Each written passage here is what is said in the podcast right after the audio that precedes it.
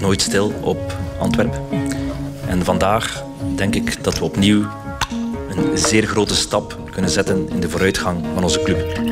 Ja, die bladzijde die wil ik uh, achter me laten en ik wil een nieuw hoofdstuk beginnen. En dat wil ik hier doen. dus dat uh, spijtig. Uh, maar ja, ik wil ook graag verder en positief weer starten. Ik denk dat het zeer, zeer belangrijk is ook in wie we zijn en wat we doen, om mensen een nieuwe kans te geven. En ik denk dat dit hier mooi kadert in, uh, in het geheel van uh, bladzijden omdraaien en een nieuwe kans. Hebt u met vrouwelijk personeel daarover uh, gesproken bij Antwerpen? Concreet niet. Ik denk dat het in eerste instantie belangrijk was om het op een goede manier te brengen en er onderling uit te komen. En ik denk dat het niet gaat over vrouwelijk personeel of welk personeel dan ook. Het gaat over informatie rond iedereen. Of naar iedereen toe. Een dag zoals een andere, dat was het vandaag allerminst. Antwerp stelde vanmiddag zijn nieuwe sportief directeur voor aan de buitenwereld. Het is Mark Overmars, de voormalige directeur voetbalzaken bij Ajax. Overmars moest in Amsterdam exact 43 dagen geleden nog opstappen. Hij gaf toen zelf toe dat hij zich aan grensoverschrijdende berichten aan verschillende vrouwelijke collega's schuldig had gemaakt. En dat was dus een breekpunt voor de Nederlandse club. Ajax is intussen naar het instituut Sportrechtspraak gestapt. En er is een uh, onderzoek tegen Overmars geopend. En helemaal intussen is uh, Overmars dus aan de slag bij Antwerpen. Hij heeft uh, getekend voor de komende vier jaar. Filip, Wim, Peter en Imke vanavond hier aan tafel. Merci om te komen allemaal. het is nieuws waar veel mensen van opkijken, van geschrokken zijn. Jullie ook. Jij ook, Imke? Ja, tuurlijk. Um, ik denk vooral de snelheid uh, waarmee het allemaal gegaan is. Het is begin februari geweest dat hij per direct bij Ajax ja. is vertrokken omwille van die grensoverschrijdende uh, berichten. En dan, ja, ik sluit me aan bij de gedachte van een gevallen man verdient altijd een tweede kans. toch als je kijkt naar, naar, naar die daden, zonder die te minimaliseren. Maar dit is veel te snel. Hij kan op, op die korte termijn volgens mij nog niet tot een soort van zelfinzicht gekomen zijn. Uh, laat staan dat de, de, slachtoffers dat allemaal een plaats hebben gegeven. Dus uh, in dat opzicht vind ik het een beetje opportunistisch uh, van Antwerpen om dat nu al te doen. Ja, voetbalwereld is een opportunistische wereld. Antwerpen is een ambitieuze club. Peter, zijn ze hier te voortvarend, te ambitieus geweest, volgens jou? Ja, dat is vooral om de timing. Ja, dat, dat is voor mij het grote probleem, ja. eerlijk gezegd. En ik kan je zeggen, het is dus, uh, grappig en niet grappig, maar uh, twee weken geleden wandelde ik van Anderlecht Antwerp uh, naar mijn auto, de hoek om, aan het café, waar je altijd wordt aangesproken door supporters. Er ja. een paar Antwerp supporters, heel vriendelijke mensen. En die zeiden, we zullen een keer wat nieuws geven, zeiden die. Twee weken geleden. En die zeiden, Mark Overmars wordt technisch directeur bij Antwerp. Die, die, hadden het toen ik al vond dat toen zo ongeloofwaardig dat ik uh, een slechte journalist ben geweest en niet eens uh, geïnformeerd heb of het wel waar was, want ik kon het moeilijk geloven natuurlijk. -huh. Maar, maar uh, ik denk dat, dat ze zich daar wel sterk aan mispakt hebben. Dat als je dan twee weken geleden ben je er al mee bezig, misschien al wat eerder, en dan is bij wijze van spreken zijn maar net de deur uitgewandeld vooraleer Paul Gijsens in casu dan er al aan gedacht heeft. En, en dan heb je toch denk ik, eh, te weinig rekening gehouden met uh, ja, allerlei gevoeligheden die daarmee gepaard gaan. En ik heb contact gehad met, met mijn Nederlandse collega's en die zeiden van de mensen die in de nasleep van de affaire nog wel enfin, geen begrip hadden, maar toch enige, uh, enige sympathie voor Mark Overmars, de mensen die zeiden van ja, hij moet nog wel een tweede kans krijgen en, en die het veroordelen voor alle duidelijkheid, ja. maar hem op termijn wel weer werkplezier gunde, ja, die zijn ondertussen ook, uh, hebben ondertussen ook in kar gekeerd, want dat begrijpen die natuurlijk ook niet. Mm. Vooral, vooral, hij zegt, ik, ik heb de bladzijde omgedraaid. Ja, het is even niet aan hem om die bladzijde om te draaien. Hij heeft ze geschreven, maar iemand anders draait die om, namelijk dat instituut. Mm -hmm. waar de klacht is neergelegd, die gaan eventueel die bladzijde omdraaien. Ja. En inderdaad, timing. Het is, het is gewoon... Het is timing. En het is, wij hadden toch allemaal gedacht, Newcastle. Bijvoorbeeld. Een of andere Saoedische eigenaar waar vrouwenrechten ach, al, al, al niet echt uh, hoog in het vaandel worden gedragen en dat die dan zeggen we pakken Overmars, want we zijn het seizoen slecht begonnen. En, maar Antwerp... Aan de, aan de andere kant, en uh, het mag geen argument zijn, maar het is er wel een van Antwerpen. Uh, als je zegt, ik weet natuurlijk niet wat de termijn is waarop je weer aan het werk mag gaan. Ik denk niet dat het aan ons is, in elk geval niet aan mij om te bepalen van, ja, nu heeft het lang genoeg geduurd, nu mag je weer. Oké, dat kan ik niet bepalen. Mhm. Maar, maar uh, bij Antwerpen is wel de redenering, als we hem hadden gecontacteerd op het moment dat hij weer veeg was, dan ja, hij naar Antwerpen. Dus de enige, het enige moment waarop je zo'n, want ja, los van natuurlijk de feiten, is het wel een internationale topper hmm. die ze binnenhalen. Die kan je alleen maar halen omdat hij zich bevindt in de situatie waarin hij zich hmm. bevindt. En daarom doet hij het ook. En, en dat bewijst tegelijk ook hoe, hoe ongerijmd het voorstel van, van Antwerpen is. Hij gaat er enkel op in, omdat hij beseft van ja, er zal echt of misschien klopt dat niet, maar hij is wel bang dat er niks anders zal komen. Hm. Denk je dat, Filip? Ja, dat denk ik echt. Ja? Waarom anders wachten? Hè? Als hij denkt, in de zomer komt Newcastle, dan gaat hij echt niet op de Bosuil werken. Hoe mooi die club ook is en hoe, hoeveel geld er ook aanwezig is vergeleken met de concurrenten in het eigen land dan denk ik niet dat hij, dan wacht hij. Ik denk ook nooit dat hij die vier jaar uit doet. Dit is de ontluizingsperiode in een luizige wereld is nu bij Antwerpen. Ja, maar er wordt wel van hem verwacht dat hij hetzelfde gaat doen zoals in Ajax. Hè, want uh, daarvoor contacteren ze hem wel. Dat is waar, maar met zijn adresboekje, dat, hij, zal, hij, zal toch, hij zal een nieuw adresboekje moeten schrijven. Want met dat adresboekje... Ja. Voilà. het is op een heel, een heel ja, Het zou kunnen dat het lukt. Hè. Voilà. Nu, nu tegelijkertijd, toen hij eraan begon... Ja was Ajax wel een club in hoge nood. Hè. Dus, dus hij, heeft natuurlijk zelf in grote mate bijgedragen tot de rijkdom. Ja, uh, maar wel met een Ajax. hè, Peter? Ja, ja. En, en, en de huidige, ja. ik ben het erover eens, het is op een heel ander niveau. Maar hij heeft wel, ja, heeft wel voor een enorme ontwikkeling gezorgd. En sportief uiteraard, samen met Van der Sar. En ook financieel. Ja, zijn jullie direct bezig over het sportieve en, en over wat het betekent voor, voor Antwerpen? Um, in het beginstuk proberen uit te leggen waarom als Antwerpen te doen het nu. Ja, voor Antwerpen. Ja. Maar dat, ja, dat, is, dat is eigenlijk logisch, hè, dat ze die vraag stellen, sportief gezien. Wat, wat hij gedaan heeft voor Ajax, dat staat buiten kwestie. En ik vind ook dat hij ingaat op het, op het aanbod, snap ik misschien ook wel vanuit de gedachte van ja, waar ga ik anders misschien werken? Maar ik vind het veel verontrustender dat Paul Gijsens niet meer stilstaat met de maatschappelijke gevoeligheid van zo'n thema. Wereldvreemd. Wereldvreemd. En ook de tweede vraag dat ik me toen stelde, toen dat nieuws binnenkwam, is van ja, oké, eigenlijk, maar hoeveel vrouwen zitten er in het bestuur? Van Antwerpen. En dan kom je misschien bij de aandelen van zijn vrouw en zijn dochter uit. En voor de rest niet, want als je een bestuur hebt met ook vrouwen erin, dan heb je volgens mij een heel andere conversatie daarover. Maar niet daar, want... Toch dezelfde uitkomsten, denk ik. Ja, ja omdat, omdat ze misschien ook weer opnieuw weinig stootkracht krijgen. Nee, omdat Paul is nu eenmaal beslist wat hij doet met zijn club. Tuurlijk. Uh, um, zo, want dus, er, ja, goed, er waren wel wat mensen met enig voorbouw over de timing natuurlijk. Emke, we hebben in het beginstukje gehoord dat Antwerp zijn vrouwelijke werknemers niet geconsulteerd heeft. We hebben dat van Jacques uh, horen zeggen. Um, is dat deel van het probleem? Is dat, is dat een kwalijke inschatting die ze daar gemaakt hebben? Een verkeerde inschatting? Ja, ik, ik, denk het wel. Natuurlijk, op, zoals ik net al zei, binnen het, bestuur, de hogere posities, zijn er naar mijn weten heel, heel weinig vrouwen gestationeerd, om het zo oneerbiedig eh, te zeggen. Dus, ja, en dat die ja, aan wie moet je het dan gaan vragen? Aan, aan de vrouwen die ook mee um, vrijwilligerswerk doen, aan het loket zitten, tickets verkopen en dergelijke?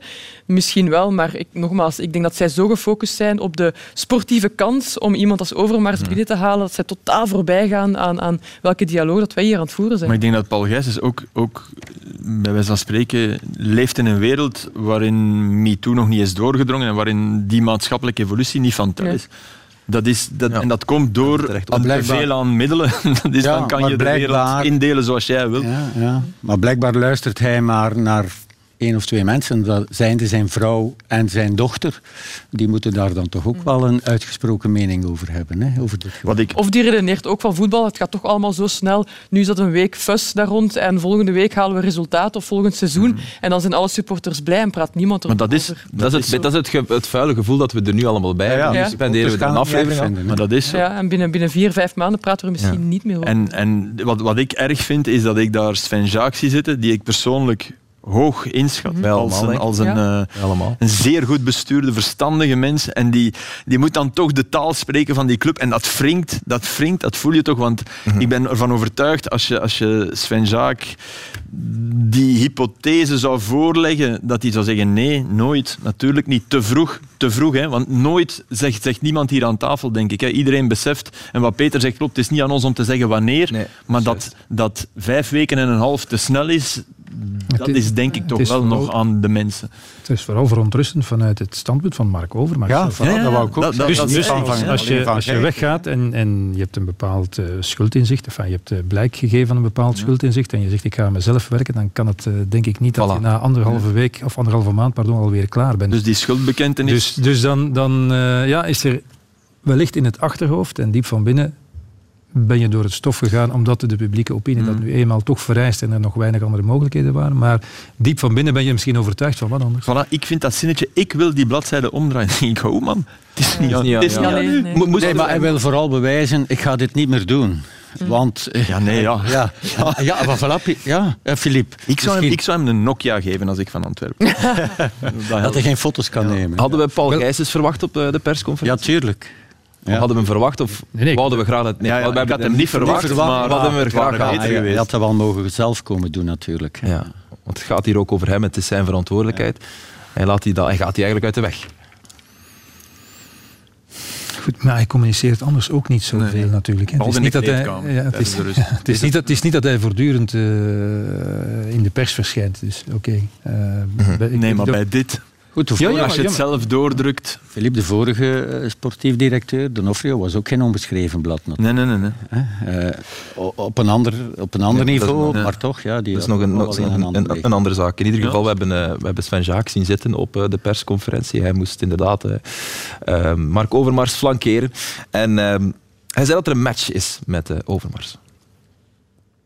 We hebben heel goed geluisterd wat precies gebeurd is en hoe alles in elkaar zit. Daarnaast hebben we uitgelegd uh, wie en wat de club is, waar we voor staan, wat onze waarden zijn, um, wat onze normen zijn. En uiteindelijk um, matcht dat. Het is een ongelukkige uitspraak. Dat ja, ja, het, is, het, is, anders dan hij het heeft bedoeld. Ik, ik, denk dat hij gezegd heeft, kijk, zo werken wij hier. Dat is waar wij voor staan. Dat zijn de dingen die hier kunnen en dat zijn de dingen die hier niet kunnen. En hij heeft die onderschreven. Ja, het tegendeel zou verbaasd hebben natuurlijk. Dus het is anders dan, dan het ja, Misschien bedoelt hij het zelfs op voetbalvlak. Hè. Hoe, ja, voilà, hoe wij hier...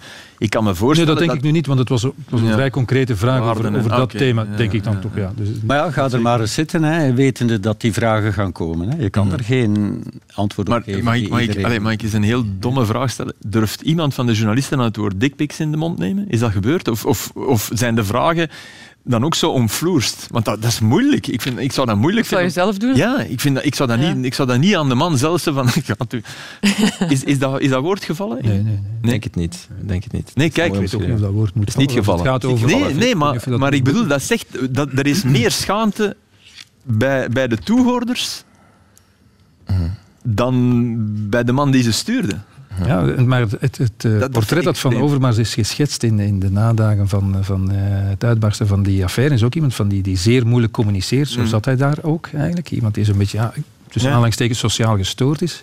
En die blijkbaar heel moeilijk contact legt met wat een beetje vreemd is in zijn... Het is niet de Nederlander die hier even komt. Nee, dat bedoel ik. Hij heeft een speciale manier om contacten te leggen. Ja, ja. uh, Zo, Ze menen bij Antwerpen ook dat dit hoort tot de privésfeer, ook al zijn al die gedragingen gebeurd in een werksfeer. Dus ja, dat is, moeilijk om te volgen, denk ik. Ja, maar dat, is, dat, dat vind ik echt een, een, een, vreemde stelling. Privésfeer, het was ook binnen, binnen Ajax zelfs. Dus het was privésfeer dat hij binnen, binnen Ajax uh, trok. Dus ja, nee, dat, dat telt niet, dat argument. Mhm. Totaal. Het probleem is, het is niet... Dat is het probleem. Zodra je iets moet, moet gaan rechtpraten, dat lukt gewoon niet. Daarom zijn al die uitspraken ja, zo makkelijk te weerleggen. Er is bij Ajax ook zo'n geval geweest met, uh, met Reiziger. Ja, klopt. Die nu assistent is. Bogarde, denk ik. Oh, sorry, Bogarde, Bogarde, excuus, Bogarde bij Jong Ajax. Nee, Reiziger. Excuus, excuus. En, en daar hebben ze, dat hebben ze ook onderzocht en dat bleek echt wel in de privésfeer, namelijk een soort uit de hand gelopen echte relatie die dan, dus hij zit er nog altijd. Ja, niets met het werk te maken. Um, er was ook ik denk dat het eh, een uur uh, vooraleer dat de persconferentie daadwerkelijk plaatsvond, dat het werd gecommuniceerd. Was dat dan om er geen uh, Nederlandse pers aanwezig te laten zijn? Of ben ik te hard op de dingen aan het ingaan. het was zeer verrassend. Hè? Peter wist het wel van de supporters. Blijkbaar wist het een aantal Nee, ik wist het niet, want ik dacht, nee, maar ja, ook het niet. Dus. Nee, maar het leek wel een grap. Hè? Dat kan mij voorstellen dat je op dat moment denkt dat is onmogelijk, dat Overmars nu naar Antwerpen Helaas heb ik dat gedacht. Ja, voilà, dat zou ik ook denken. Maar in, is er wel. in Nederland staan ze wel echt versteld van deze aanstelling. Hè? Ja. Jij bent uh, vandaag uh, druk gesolliciteerd geweest. Ja, plat gebeld geweest. Ja, nee, meer consternatie in Nederland dan, dan hier in België. Ik weet nog, toen het pas gebeurd was, was er wel hier en daar een telefoontje van ja, hebben jullie ook zo iemand uh, in België rondlopen die dit ooit gedaan heeft? Ehm, maar nu is het eigenlijk echt van, hoe kunnen jullie in godsnaam hem in België nu een plaats geven. Daar is echt wel uh, nog, nog minder ruimte voor, voor krediet voor Overmars dan, dan wij hier blijkbaar in België hebben. Dat, dat is, het rare met een buurland zijn, denk ik ook. Mm dat, dan, en dezelfde taal. En dat, dat, dat, zorgt er allemaal voor dat het nog iets... Net over de grens. Ja, meer opvalt. De naamsbekendheid van Antwerpen is wel groter geworden in, uh, in Nederland. Ja, dat wel. En, en uh, hoe je het ook draait of keert, het, het draagt toch weer bij tot uh, het een het, uh, de perceptie van ons voetbal in het algemeen daar in Nederland. Hè. Ik had uh, collega's aan de lijn en die ik goed ken in lange jaren, zeer respect voor, maar die dan zeggen, ja, dus iemand die bij ons. Uh, dus, uh, je, je bedoelt dat de Beneliga definitief gekelderd is. Ja, zou ik het niet Maar het is, het is wel zo, ja, die, Belgen, die Belgen. Zo, ja. Hoe zouden de andere bestuurders van onze clubs hier naar kijken? Want zij weten ook hoe de waan van de dag domineert in ons voetbal, maar heel snel alweer kan liggen. En dan over een half jaar heb je dan wel een, eh, een sportief directeur van een ja, bepaalde... Ik denk, dat ze daar, ik denk dat ze daar weinig mee bezig zijn, eerlijk gezegd. Ik denk wel dat dit nieuws overal in, in bestuurskamers ja, zeer veel is besproken, maar ja, ja, er zal niemand stellingen nemen. Hè. Dat, dat niet, vrees ik. Hè. Iedereen is wel... Ja, zeg maar, sorry. Dat, maar ik denk dat niemand anders dan Antwerp, Mark Overmars, zou contacteren in dit geval om uh, sportief directeur in België te worden. Dat denk ik niet. Nee. Ik denk dat alle clubs wel ervan overtuigd waren van dat niet te doen. Toch nog een klein beetje deontologie meedragen. Ja, eerst er elders, weet je. Ja. De, eerst zo'n... zo'n maar Overmars zelf, want ja, ik kan... In Qatar. Ik kan, Peter volgen, hè. Gijsens, ja. die doet dat wel. Maar Overmars had eigenlijk nee moeten zeggen tegen dit aanbod. Dat te vroeg. Ja, veel te vroeg. Too soon, maar ja. Is hij puur sportief? Want hij wordt bewierookt natuurlijk om, omwille wat hij heeft gedaan de voorbije jaren. Wat hij heeft neergezet bij Ajax. Veel meer inkomsten dan uitgaven. Jongens, voor heel veel geld verkocht die hij zelf heeft gehaald. Ook niet alleen van de week. En niet, ja, maar en, niet, alleen de licht ja, maar, dat, maar dat zei Juri Mulder hier is ook niet overdrijven daarin, weet je. Hij heeft, hij heeft dat inderdaad... Maar het is ook makkelijker om iemand voor zeer veel geld te verkopen bij Ajax. Dan, ik denk niet dat we nu moeten verwachten dat hij bij Antwerpen ineens een, een, een, een geweldige verkoopdirecteur wordt. Het zal aankopen zijn dat, daar, daar ligt de, de focus. Ja. En kijken of dat lukt. En wat ik wel verwacht, is dat er een aantal jonge Nederlandse talenten naar... Uh... Naar Antwerpen komen? Ja, dat denk ik wel. Dat gevoel heb ik kan er volledig naast zitten, maar dat gevoel heb ik wel. Ja, Antwerpen heeft natuurlijk niet die jeugdopleiding waar hij kunnen uitputten heeft. En er zijn er wel geweldig veel gekomen. Hè. En noem ze allemaal maar op. Die hebben voor heel vele miljoenen. En nog altijd. Mhm. Ja. Uh, dat is natuurlijk ook wel voor een deel... bij Antwerpen. Jeugdopleiding, goede scouting en zo. Dus ik denk wel in dat opzicht dat hij die rol wel kan, kan waarmaken. Alleen opnieuw, in welke mate ga je nog altijd die connecties kunnen aanspreken zoals voordien? Zelfs bij jonge Nederlandse talenten is werken met andere budgetten. Of keer, ze waren er wel ongelooflijk over te spreken allemaal bij Ajax. Mm. Over natuurlijk niet die kant, maar de, de technische Maar in die structuur, in die structuur ook, hè, Peter? In een, in een maar ook achteraf nog. Hè, zo, zo, maar Stadisch, hoogst ongelukkig. De manier mm. waarop hij zijn steun wilde uitspreken. Hoogst ongelukkig. Maar ja, ook Ten Hag die, ja, die weigerden om... Ja, dat gaat om vriendschap natuurlijk. Hetzelfde met Van der Sar. Ja, maar de twee. Vriendschap en samen. En waardering. En uh, inderdaad, samenwerken als een, als een tanden. Het blijft moeilijk om hem een goede directeur te noemen, want inderdaad, een bepaald deel van zijn werk doet hij goed. Maar, nee, maar directeur je moet, is je ook kan leiden, Je moet dat wel kunnen scheiden, vind ik. Je moet wel kunnen zeggen... Zijn, op zich is dat een toptransfer, een, Een toxische is, werkomgeving, zich, maar... Los van, ja. los van een toch niet onbelangrijke uh, en bemerking erbij, is, ja, is dat wel iemand die, uh, die in principe te groot is ja, daarom je had hem eigenlijk niet kunnen gaan halen als dit niet gebeurt. En hij zal niet meer doen wat hij deed, dus dat, dat, dat klopt ook. Hè. Hij zal, en, alleen, die, de kans op recidive lijkt me eerder klein. Want die mens heeft ook verschrikkelijke... Niet alleen de mensen die die dingen... De hele, alleen, die periode was voor die mensen heel, heel vervelend, denk ik. Ja. Om, een, om een zacht woord te gebruiken. Maar hij heeft ook zes uh, rotweken achter de rug. Ik, ik, maak er geen slachtoffer van, maar hij ook. Dus hij gaat dat niet meer doen Alleen ja. Het is wel maar dat, dat is je, als je kon hier wel ja, zitten. Hè? Ja, als je zoiets uh, jaren aan een stuk gedaan hebt. Ja, tuurlijk. Toch iets mis. Nee, en, ik toch iets mis en ben je dan zonder naar de dokter te gaan meteen genezen? Ik weet het niet. Met die tuchtprocedure die nog loopt. Ja, dat, dat, dat vind ik dat vind ik ook wel iets, iets heel, heel bizar. Dat. Ja, een externe en interne loopt er ook nog altijd uh, een onderzoek. Maar oké, dat is geen strafrechtelijk. Hè? Nee, maar dat is toch wel gek. Ja, gewoon over de grens en daar mag alles wel mm. weer. Ja, dat komt omdat het een klachtmisdrijf is in Nederland. Dat is een groot verschil met, uh, met België. Goed, merci voor jullie inzichten. Uh, we gaan het toch ook nog over voetbal hebben uh, vandaag. Filip, verblijd ons even met de ja, Classico. De moment van de week. gisteren was er Real Barcelona en vooraf stond in de Madrileens getinte kranten ja, ze gingen dat varkentje even wassen, want het was een wedstrijd van een Champions League ploeg tegen, oh god toch arme, een Europa League ploegje. Dan hebben ze lang niet meer gekeken. Nee, we inderdaad lang niet meer naar de wedstrijden gekeken. En uh, het, was, het was een, een recital van Barça met uh, Dembélé. De eerste keer, mm, bijna een half uur, dat hij uh, langs de buitenkant voorbij zijn man ging. Aubameyang komt heerlijk binnen. Courtois had dan al een paar ballen gepakt. Dit paasje was voor mij de paas van de match. Pedri, super talent. Kijk, er is eigenlijk geen plaats en hij vindt plaats. Ferran Torres, de terugkeer van Casemiro die nog probeerde dijk te zijn. En dan, uh, dit was zeer opvallend, 10 seconden ver in de tweede helft. Ancelotti ging met z'n drieën achterin spelen. En dat uh, ja, wierp meteen zijn vruchten af. Ferran Torres alleen op Courtois mist, eigenlijk jammerlijk, hè, want hij mist nog te veel kansen. Maar speelde wel weer goed. En dan was er uh, ja, de goal hè, met Frenkie de Jong, die ook uitstekend was. Wippaasje en deze bal van Aubameyang. Sublieme assist en deze keer uh, nagelt uh, Torres de bal wel in het kruis. Vader en zoon Ancelotti kijken toe.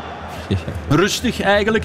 En het was 0-4 en, en Barça haalde de riemen binnen en, en ging minder goed spelen. Ook denk ik omdat het lang duurde voor de 0-4 door de VAR werd bekrachtigd. En Xavi dus je wint met 0-4 op Real Madrid. En de coach die boos was, die het meest boos langs de lijn heeft gestaan, was Xavi. Die heeft zich echt een 25 minuten staan opwinden, nog nooit gebeurd. Oh, ik wil weer niveau. En het was ook, Dembélé heeft niks goed niet meer gedaan. Die, die, leverde, die speelde mee bij Real. Dan nog, het was echt 10 tegen 12 op dat moment. Dan nog kwamen ze niet tot een kans. Zeer bizar. En Piqué heeft nu al meteen laten zeggen, hè, we, zijn, we zijn, we are back, we zijn terug. En eerlijk, ik heb dat gevoel ook. Ze, ik, ik heb echt het gevoel, en misschien is dat te snel, hmm. en, maar dit los je volgens mij, dit verschil in kwaliteit, dat los je ook niet op met alleen een Mbappé te halen. Dat heb je gisteren gezegd in jouw commentaar. Daar geloof ik echt niet in. Wat, wat heeft Real allemaal nodig om volgend jaar ook nog eens, want dit jaar zullen ze waarschijnlijk ook kampioen spelen. Ja, wat in die match al sinds duidelijk was, was dat uh, Real altijd een fitte Benzema nodig heeft. Hè. Dat was echt uh, een, een Dat is het enige... Ja, dat is het enige wat je kan zeggen. Want voor de rest, uh, Alaba was echt Ook dan hadden ze de match verloren. Hè. het was inderdaad collectief echt, echt minder. Maar het was dan toch wel vreemd dat Ancelotti koos om dan om, om eigenlijk zonder echte diepe spits te spelen, nog altijd Vinicius en Rodrigo van op de flank. En dan Modric, die werd dan een soort van valse negen, met weinig... Allee, Modric is een geweldige speler. Nauwelijks maar balcontacten. Maar, is geen diepgang, als geen snelheid meer. Dat is zijn spel niet. Ik heb, het, ik heb het gevoel dat, dat zeggen zij van Ancelotti, speelt altijd met 12, 13 mensen. En ja, maar oké, die anderen zijn ook niet. Jovic, die, die is al vijf kilo te zwaar. Uh, die Mariano Diaz, die villain, die heeft één spurt gedaan, die was dood. Dan nog achter de bal, niet naar de ja, bal. Bale die zat in de tribune. Bale in de tribune, ja, Eden Hazard, daar wordt zelfs niet aan gedacht. Terwijl je toch zou denken, ja, ik, ik heb hem bij, bij Chelsea ook wel eens valse negen zien spelen en soms goed. Dus ja, dat is allemaal voorbij. voor Eden dat hij gisteren toch ook niet moest. Nee, want dan nee. verzuipt hij weer mee. Dan zou iedereen gezegd ja, ja. Tuurlijk. Maar één ding is wel duidelijk, want er wordt ook zo'n beetje gedaan, smalend gedaan over ja, Real het is wel een, een klassico, die willen ze nog wel winnen, maar vooral de Champions League. Maar Never. Deze ploeg Never. wint geen Champions League. Maar dat zag alleen, je ook al Alleen als Chelsea moet uh, roeien naar Madrid, dan kan het zijn. Ja. Anders gaat het niet. Geraak je daar? Nee, want dan moet je nog lang met die kano over land. dus, anders echt niet. Maar goed, ze, kunnen er alles aan doen om een uh, stokken in de wiel te steken. Dan misschien wel. Maar, maar normaal, Chelsea tegen normaal, Real. Eén keer is dat nu gelukt door een onbegrijpelijke ineenstorting van Paris Saint-Germain. Ik vind dat nog altijd onbegrijpelijk. Oké, de flater van Donnarumma, maar dan is het 1-1 zo. Wat? Je bent al drie vierde van het dubbele duel twintig keer beter. En die storten dan in elkaar, maar dat kan natuurlijk geen twee keer. Geloof jij nog in de kansen van Barcelona dit seizoen? Het lijkt een gekke vraag met die, die achterstand van 12 punten, maar nog 10 matchen voor Barcelona. er 9, hè? Want... Nee, één, ma één match minder voor voilà. Ja, ja. Dus zijn er 9. Hè? En 9 punten virtueel. Hè? Ja, 9 virtueel. Hè? Allee, Rayo Vallecano, daar gaan ze van winnen. Hè? Ja. Ja, het is toch geweldig wat Xavi op zo'n Eigenlijk is de vraag, geloof je dat ze alle matchen winnen in Spanje? Ja, dat en dan kan er paniek ontstaan. Ja, is ook al een paar keer een beetje nipt geweest. Ja, tuurlijk. Ja, Het is niet dat elke week nee, nee, nee. Op Galatasaray was, was, ja, ook, ja. Ja, was moeilijker. Ik denk dat ze wel heel blij mogen zijn met Aubameyang. Laten we ook eerlijk zijn. Maar kan je daarop bouwen, vraag ik me af. Ja, kan je, kan je daar een heel seizoen op bouwen? Nee, ik heb seizoen, nu, als je gaat voor de titel. Ik heb daar heel de vliegreis op zitten denken. Oké. Echt. En ik ben tot de, tot de slotzin gekomen. Uh, volgens mij kan je... Aubameyang maakt geen team. Dat hebben we gezien bij Arsenal. Maar in een gemaakt team verbaast hij me ongelooflijk. Ja, en ook vooral omdat hij gehaald is om, dus om een verschil te maken. In een team dat al gebouwd ja. is, dat volgens die ja. principes doet hij het fantastisch. Maar hij kan niet met een man in de rug een duel winnen. En dat doet hij allemaal niet. Maar zoals Barça nu voetbalt is het, is het perfecte compliment om dat dus ja, maar er zijn heel wat jongens die al afgeschreven waren. Hè. Dembélé, ja. van die Araujo werd ook gezegd, ja, is dat nu een verdediger? Die werd op rechtsachter gezet. Ja, ja, die heeft Vinicius uit de match gehaald. Ja, die heeft dat geweldig gedaan. Hij stond op een bepaald moment echt als Jerommeke ja, ja, ja, zich op te pompen. Ja, Wat een atleet. Ja. en hij, ook Erik Garcia, die ze toch gaan halen zijn, die niet meer mocht meedoen in, in City. Ja, heel erg goed. Was reserve heel, bij City. Dat ja, ja, ja, heel erg uh, sturend ook van achteruit. Maar wat Xavi daar doet, dat deed uh, Guardiola ook in uh, Sporting Lissabon, hè, toen ze 0-5 ja. voor stonden. Ja, ja, ja, die, We hadden te veel balverlies. Ja, te veel balverlies en, en het is 0-5. Maar bij City willen, bedoel je? Ja, ja, bij City. Wij willen het, hij, hij wou ook 90 minuten daar, ik vind dat datzelfde dat, hoge niveau. Dat Soms wel, is dat gespeeld, dat wel, ja, of het, ja, misschien, misschien is het niet gespeeld, Soms. Het is wel, het is wel vreemd toch. Je staat 0-5 voor. De spelers mogen het misschien toch een keer een beetje 0-4 op Real. Allee, doe eens, leid eens een balverliesje na. Ja, maar ik denk, ik denk dat hij echt aan die historische. Hey, Xavi kent de geschiedenis. Hè. Weet Cruijff 0-5, Guardiola 2-6. Ja, ja, dat denk ik, ik denk, ook. Hij wou 0-7. Absoluut. Maar en ik denk dat, dat de kans is om erachter te maken. Een uur 0-7 kunnen zijn, moeten zijn misschien. Goed, Imke, jouw moment. Oh ja, ik had ook een moment van uh, overpijzing, Philippe. Nog altijd de vraag van... Ja, Heb je gevlogen vandaag? Nee. Uh, nee, dat, nee, dat gaat dat makkelijker. Ja, ja, 10.000 meter. Dat is waar. Ja, mij ging vooral over nog steeds de afwezigheid van uh, doel, doellijntechnologie in, uh, in de Belgische competities. Terwijl we het allemaal in de, in de grootste competities hebben. Hè. Serie A, Premier League, La Liga. En het gaat natuurlijk over het fragmentje bij, tussen, tussen Union en KVO. Oendaf die teruglegt aan Tuma. En dan uiteindelijk is het de scherpende doelman die ja. de bal tegen Melly duwt. En dan uh, ja, is maar de vraag van, is deze bal over de lijn of niet? Daar is uiteindelijk ook naar gekeken. Hier zou je zeggen van niet, heb je het gevoel. Uh, maar dan in de, in de andere herhaling schuin achter het doel. Ja, is het weer een ander komen. beeld. We, gaan die, we hebben die nog klaarstaan, denk ik. Dat is, Deze uh, hier, ja. Ja, hier. En hier is het al, al moeilijker zichtbaar. Ik ben wel mee eens, als de VAR het niet weet, ja. kunnen, ze, kunnen ze niet zeggen dat deze bal binnen, binnen is. En, Moet je de beslissing van de, de scheidsrechter en de lijnrechter volgen? Ja, klopt. Dus, maar nog steeds stel ik mij de vraag waarom dat wij dat in Belgische Het is te duur. Ja. Ik weet dat 300.000 euro per jaar, nog eens 60.000 onderhoudskosten, maar dan nog, dan denk ik nee, van... Nee, en de redenering is, voor die paar keer per seizoen dat we dat nodig hebben, nee, dan halen we liever nog En hoe komt dan dat wij de enige competitie zijn die dat nog niet... Niet de enige, hè. in Slovenië... Ja, goed, maar ik heb het nu wel over de, Van de Namen. grotere... Ik zeg, het, ik zeg het net, daarom. Maar er zit wel... Er zit, er zit, Dat is de redenering. Ja. Maar we hebben dat, het, klopt, ja, t- je moet het te weinig gebruiken. het klopt wat je zegt, hè, maar er zit wel iets pervers aan. eh, want ik denk, ik ben ervan overtuigd dat lijnrechters en, en scheidsrechters minder snel beslissen goal, omdat de VAR er is. Ja. Ja, dus in dat is die waar. zin manipuleer je wel de uiteindelijke beslissing ook. Mhm. Want je wacht op de VAR en de VAR zegt, ja, maar de VAR volgt Wat er op het veld beslist wat er op is. het veld beslist is als ze niet zeker zijn. Dus, er vallen minder doelpunten, Filip. in dit wel. soort Als ze zeggen van in dit soort beslis niet, fases zal ik er bes- minder beslist worden, eh, goal, dan Ja. omdat de VAR er is. Ik blijf het altijd vreemd vinden dat iemand die ginder aan de lijn, die aan de hoekschopvlag, Ja, dat. Er zit toch een paal een, tussen? een fractie van een seconde moet tak weg. Ja, maar er en dacht ik, als, hij was erin. Terwijl het natuurlijk zo is. Ja. En, toen ik in Bloemfontein zat, nogthans aan de andere kant van het veld, Ja, hoog genoeg, ja. met de bal van, eh, Ja, Engeland eh, tegen... van Engeland tegen, tegen, Duitsland. Tegen Duitsland. Dat kon ik vandaar zien, die is erin. En, Ja. want ja, dat was natuurlijk een meter. Ja, dat zag iedereen. Ja. Arionda, denk ik, was de naam van de, de lijnrechter. Ik weet dat nog. Dat is mij net Nu, vlies voor, alle duidelijkheid, technologie is niet altijd de oplossing. Hè, want daar worden ze misschien in de steek gelaten. Ik laat in het midden als de bal over de lijn was of niet. Mhm. Maar met het doelpunt van, van Oendaf, kan buitenspel of niet, geen 3D-lijn kunnen ze dan trekken. En dan, Maar een lijnrechter kan dat nooit zien. Hè. Dit kan een lijnrechter nooit Ja, over de 3D-lijn gesproken trouwens, Wim. Kijk, hier eh, dit moment de goal van, eh van Oendaf. Eh, buitenspel of niet, dat konden ze toen niet met zekerheid eh, aantonen. We hebben hier zelf een, eh, een, een, een lijn gelegd. Nu, ik, ik vind als het van, over zo'n details gaat, over, over millimeterwerk, dan, dan denk ik ook laat doelpunt maar eh, gewoon doorgaan. Maar het gaat gewoon over het feit van software failure of, of, wat was nu de exacte reden, maar... Het werkte niet. Het werkte niet. Maar ook hier, dit, duurt, dit heeft denk ik drie minuten geduurd. Ik overdrijf niet, hè? Nee, nee. Ook, want je hebt een enorme schwung als je die gelijkmaker maakt, Union. En dat is echt een trampoline om, om op te springen en erover te gaan. Die drie minuten dat het duurt, ben je toch weer... je adrenaline is weer iets weg. Dus ook dit is eigenlijk match vervalsend. Ja. De VAR. Ik snap wat je bedoelt. En we hebben het er al vaak over, over gehad. We zitten op dezelfde golflengte. Um, Peter, ik heb het al een paar keer gezegd. Uh, meestal de momenten die jij kiest, ik zou die ook kiezen. Dus ook vandaag weer.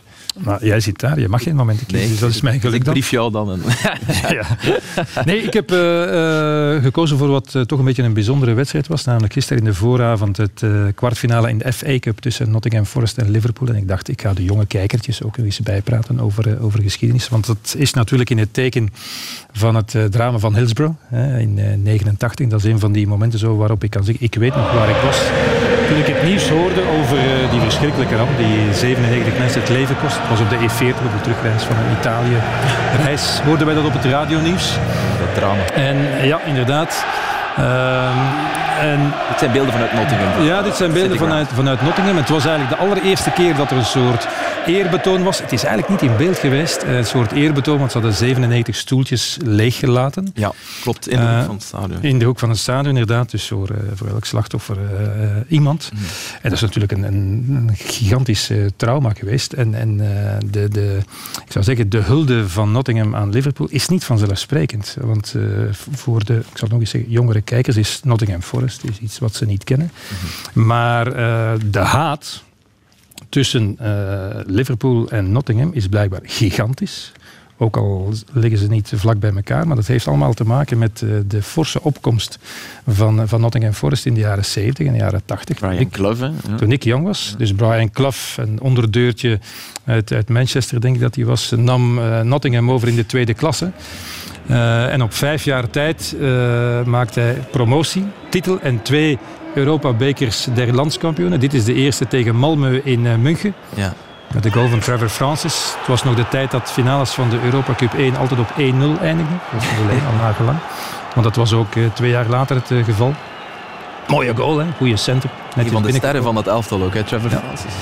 Maar het was dus het, uh, de manier waarop uh, Nottingham Forest ineens het grote Liverpool, dat eigenlijk de grootste club van Europa was, met allerlei prachtige sterren. Dit is dus de andere finale. Tegen Gladbach zeker, nee? Tegen Hamburg. Ham Hamburg. Ah, Keegan. Dus, uh, tegen, tegen de genaamde dus, Robertson, die, die scoort. Het was ook een elftal met allemaal vrij onbekende namen. Peter Shilton in doel. Martin O'Neill, coach van ja. Celtic.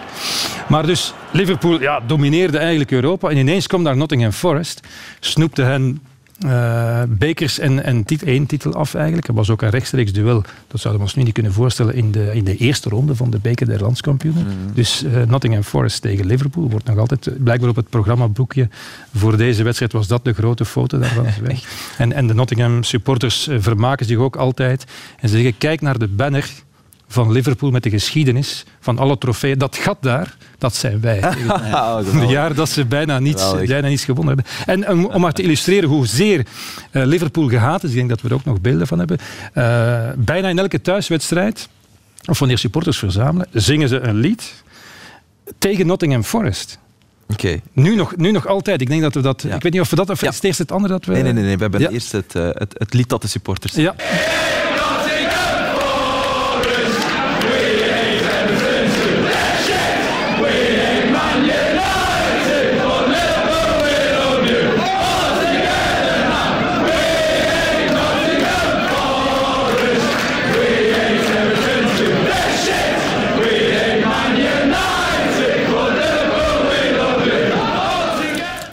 We vragen ons toch af, what the fuck dan?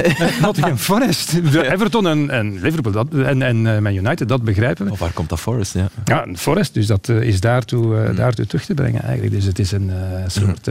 Club is ook is, is, Club is, is kampioen geworden met, met Forest, hè, want anders speelde je toen niet in de Champions League. Ja, ja, Op een eiland, ik denk the Isle of Wight. Hij was op vakantie met zijn vrouw, want er moest nog een inhaalmatch gespeeld worden. En de, hij zat op het strand en de hoteleigenaar kwam lopen en zei... Mr. Clough, u bent kampioen. echt, echt. Ja, dat verhaal ken ik niet. Ja, we hadden ook een reeks van, van 42 wedstrijden in de, in de Premier League, heette dat nog niet, in de eerste klasse. Uh, First Division. Zonder, zonder nederlaag. Pas door de Invincibles van Arsenal, veel later, mm. Is, dat, is dat toen verbeterd. En, en uh, het feit was in mijn, in mijn jonge periode natuurlijk. Ze hadden ook een geweldig liedje. Ik weet niet of we dat nog eens kunnen laten. Ja, we hebben dat ook Dus, dus het was een, een liedje over dat bezong... Voilà.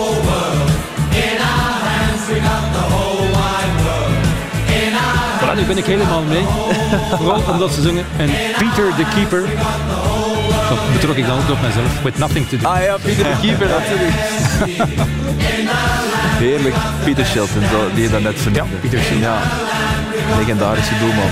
Nationale doelman ook van Engeland. En ze zongen beter dan de Rode Duivels, als je het mij vraagt. Het is beter dan Go West of de Rode Duivels ja, naar Spanje. Dat, moeten we inderdaad, inderdaad zeggen. Een van de beste Europese matchen van Anderlecht met die grote zwarte rand. Maar een van de beste was tegen Nottingham Forest. Ja. En toen, was, toen stond Van Breukel in de goal en die had wel veel te doen. De zwarte rand, gaat het over het onkomstschandaal? Ja, ja, Voor de maar, kijkertjes, hè. Maar, inderdaad, maar inderdaad, zoals, zoals Raymond de Deken, de, ik weet niet welke functie hij had, maar had toch ook eh, enige bijdrage geleverd aan het eh, regelen van de wedstrijd, altijd zei, toen we hem interviewden, maar we waren wel veel beter.